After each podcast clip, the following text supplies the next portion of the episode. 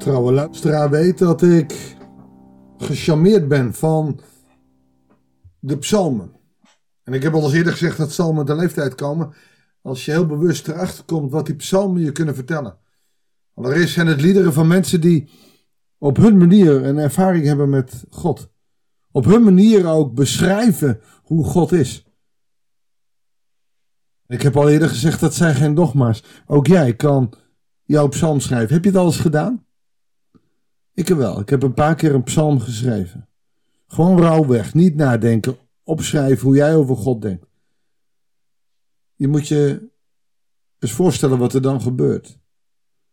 Schrijf eens een psalm nu midden in de lijdenstijd. Kijken wat er gebeurt als, als jij omschrijft wat het lijden van Christus voor jou betekent en schrijf dat in een soort van lied. Met een soort van rijm, en het hoeft niet eens te rijmen, maar een bepaald ritme. In een soort van lied. En je kan het. Zelfs deze cultuurbarbaar heeft het gedaan. Altijd gedacht, dat is niks voor mij, ik kan niet schrijven. En het zijn ook heus geen psalmen die ik uit ga geven, maar toch. Als jij je pen pakt en opschrijft wat God voor je betekent, of wat de dood van Christus voor jou betekent, komen daar ongelooflijk mooie dingen uit. Want jij kan het. Is het niet Pippi Langkous die zei: Ik heb het nog nooit gedaan, dus ik denk dat ik het kan? Laten we die benadering maar houden. Je hoeft daarmee geen prijs te winnen voor de beste literatuur, voor de beste poëzie.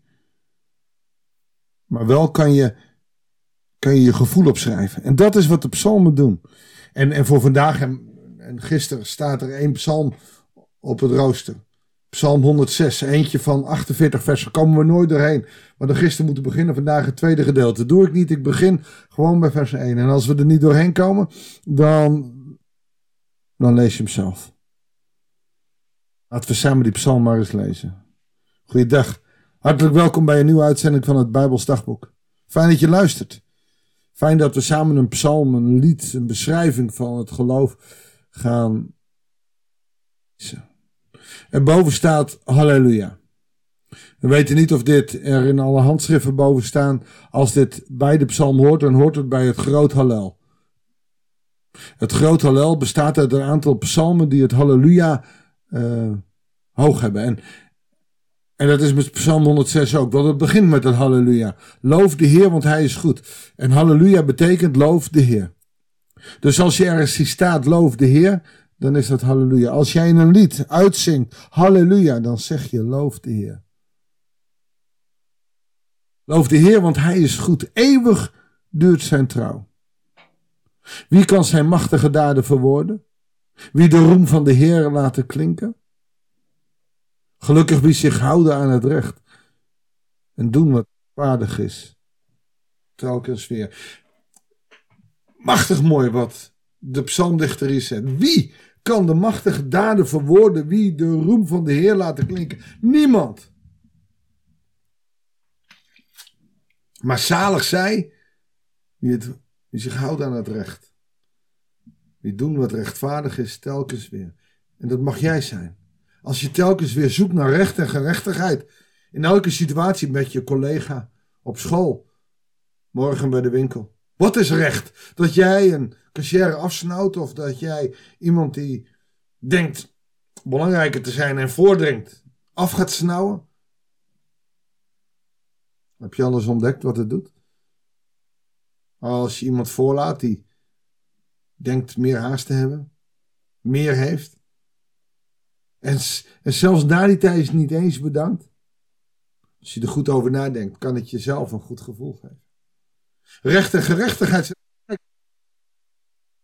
bezig moeten zijn in je leven.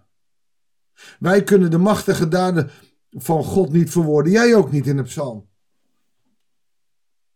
Je bent zalig als je houdt aan het recht. En dan mag je het proberen. En dan mag jij de roem van de Heer laten klinken in jouw leven. Wat heeft God voor jou betekend? Stel je die vraag. Schrijf hem op. Deel het met anderen. Denk aan mij, Heer, uit liefde voor uw volk. Zie naar mij om, u die redding brengt. De psalmdichter voelt zich of alleen of in de steek gelaten. Zeg, denk aan mij uit liefde voor uw volk. Dat is ook hoe bidden moet zijn. Bidden doe je voor een ander. Voor de heilige. Paulus zegt het, bid, bid voor de heilige. Dat zijn je mensen om je heen die ook geloven. Dat ze kunnen volharden in geloof, dat ze kracht mogen krijgen om te doen. Hij zegt, denk aan mij, maar doe dat uit liefde voor uw volk. Zie naar mij om, u die redding brengt. En geeft meteen aan dat God de God is die redding brengt en kan brengen. Dan zal ik u uitverkorene gelukkig zien, vreugde vinden in de vreugde van uw volk, vervuld zijn van trots op uw liefste bezit. Wij hebben gezondigd zoals onze voorouders. Wij hebben gefaald en het kwaad bedreven. Toen onze voorouders waren, sloegen zij geen acht op uw wonderen. Dachten zij niet aan uw tekenen van trouw. We kwamen in opstand aan de oever van de Rietzee.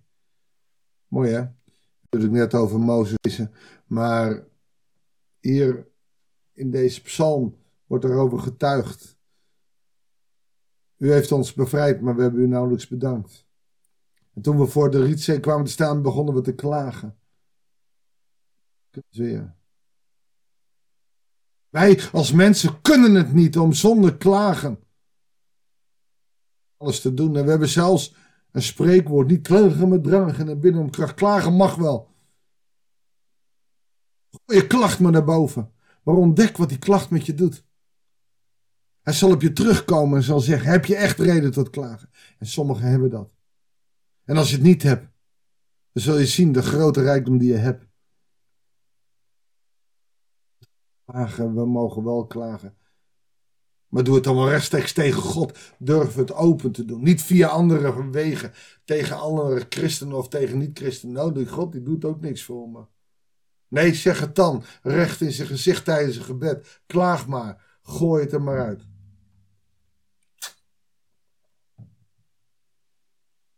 Maar toch redde God het volk Israël tot eer van zijn naam. Om hun zijn macht te tonen, om zijn dreigen viel de Rietzee droog. Hij leidde hen door de diepte als door een woestijn. Hij redde uit de greep van de haters, verloste hen uit de greep van de vijand. Het water bedekte hun belagers, niet één bleef er in leven. En dan kan je weer even terug Loof de Heer, want Hij is goed. Eeuwig duurt zijn trouw. Toen hadden zij vertrouwen in zijn woorden en bezongen ze zijn roem. Maar snel vergaten zij wat, zij, wat hij gedaan had. Ze wachten niet geduldig zijn plannen af. Ook dit is duidelijke taal. En dit is niet alleen voor Israël, dit is ook voor ons.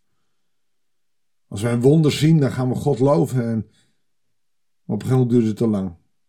Wij willen meer wonders zien. We willen weten wanneer hij terugkomt. We willen weten wat hij doet. Maar we wachten dus niet geduldig zijn plannen af. Ja, maar deze tijd, God, deze tijd. Het is zo druk en het lijkt wel of de lijntijd is. Wacht maar geduldig zijn plannen af. Aardigbaar was hun eetlust, dat is Israël in de woestijn. Ze daagden God uit het dorre land. Hij gaf hun. Zoveel dat ze erin stikten. Weet je nog? Je zult vlees eten totdat je je nek uitkomt. Je keel uitkomt. In het kamp werden ze afgunstig op Mozes. Dit gaat over het gedeelte wat we vorige week gelezen hebben. Uit Nummerie. In het kamp werden ze afgunstig op Mozes en op Aaron, de heilige dienaar van de Heer. De aarde opende zich, verzwolgen werd Datan en bedolven de bende van Abiram. Vuur verbrandde hun aanhang een felle vlam heeft de schuldigen verteerd. Ze maakten een stierkalf bij de Horeb en bogen zich voor een stuk metaal. In plaats van te wachten vol geduld op de plannen van God, waar Mozes met de stenen tafel naar beneden zou komen, maakten ze een stierkalf. God hun eer ruilde zij voor een beeld van een rund dat gras eet. God kan er ook zo nou ja, God doet het door de psalmist, die kan er zo neerbuigend op doen. Alleen de psalmist moet weten dat het ook voor zijn tijd geldt, ook voor hem. Vergeten waren zij God hun redder, die iets groots had verricht in, in het land van Gam. geduchte daden bij de Rietzee. Hij, God, besloot hen uit te roeien, maar Mozes, de man die hij had gekozen, verdedigde hem, verbad hem en zei tegen God, maar u heeft anders beloofd. Hij ging voor hem staan en hij wendde zijn dodelijke woede af. Wat Jezus nu voor ons doet, deed Mozes voor het volk. Nou, lees de psalm maar eens verder. Wat een prachtig stuk geschiedenis. En leer dan ook dat we ook af en toe terug mogen kijken naar die belangrijke momenten in ons leven. Zoals God laat zien dat Hij schepper is van hemel en aarde. Denk je daar wel eens over na?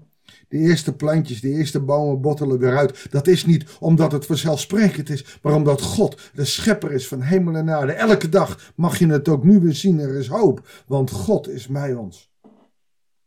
Mag ik voor je bidden? Nee, weet je wat? Ik ga niet voor je bidden, ik ga je zegenen. Mogen de Heer je zegenen, jou behoeden en bewaren.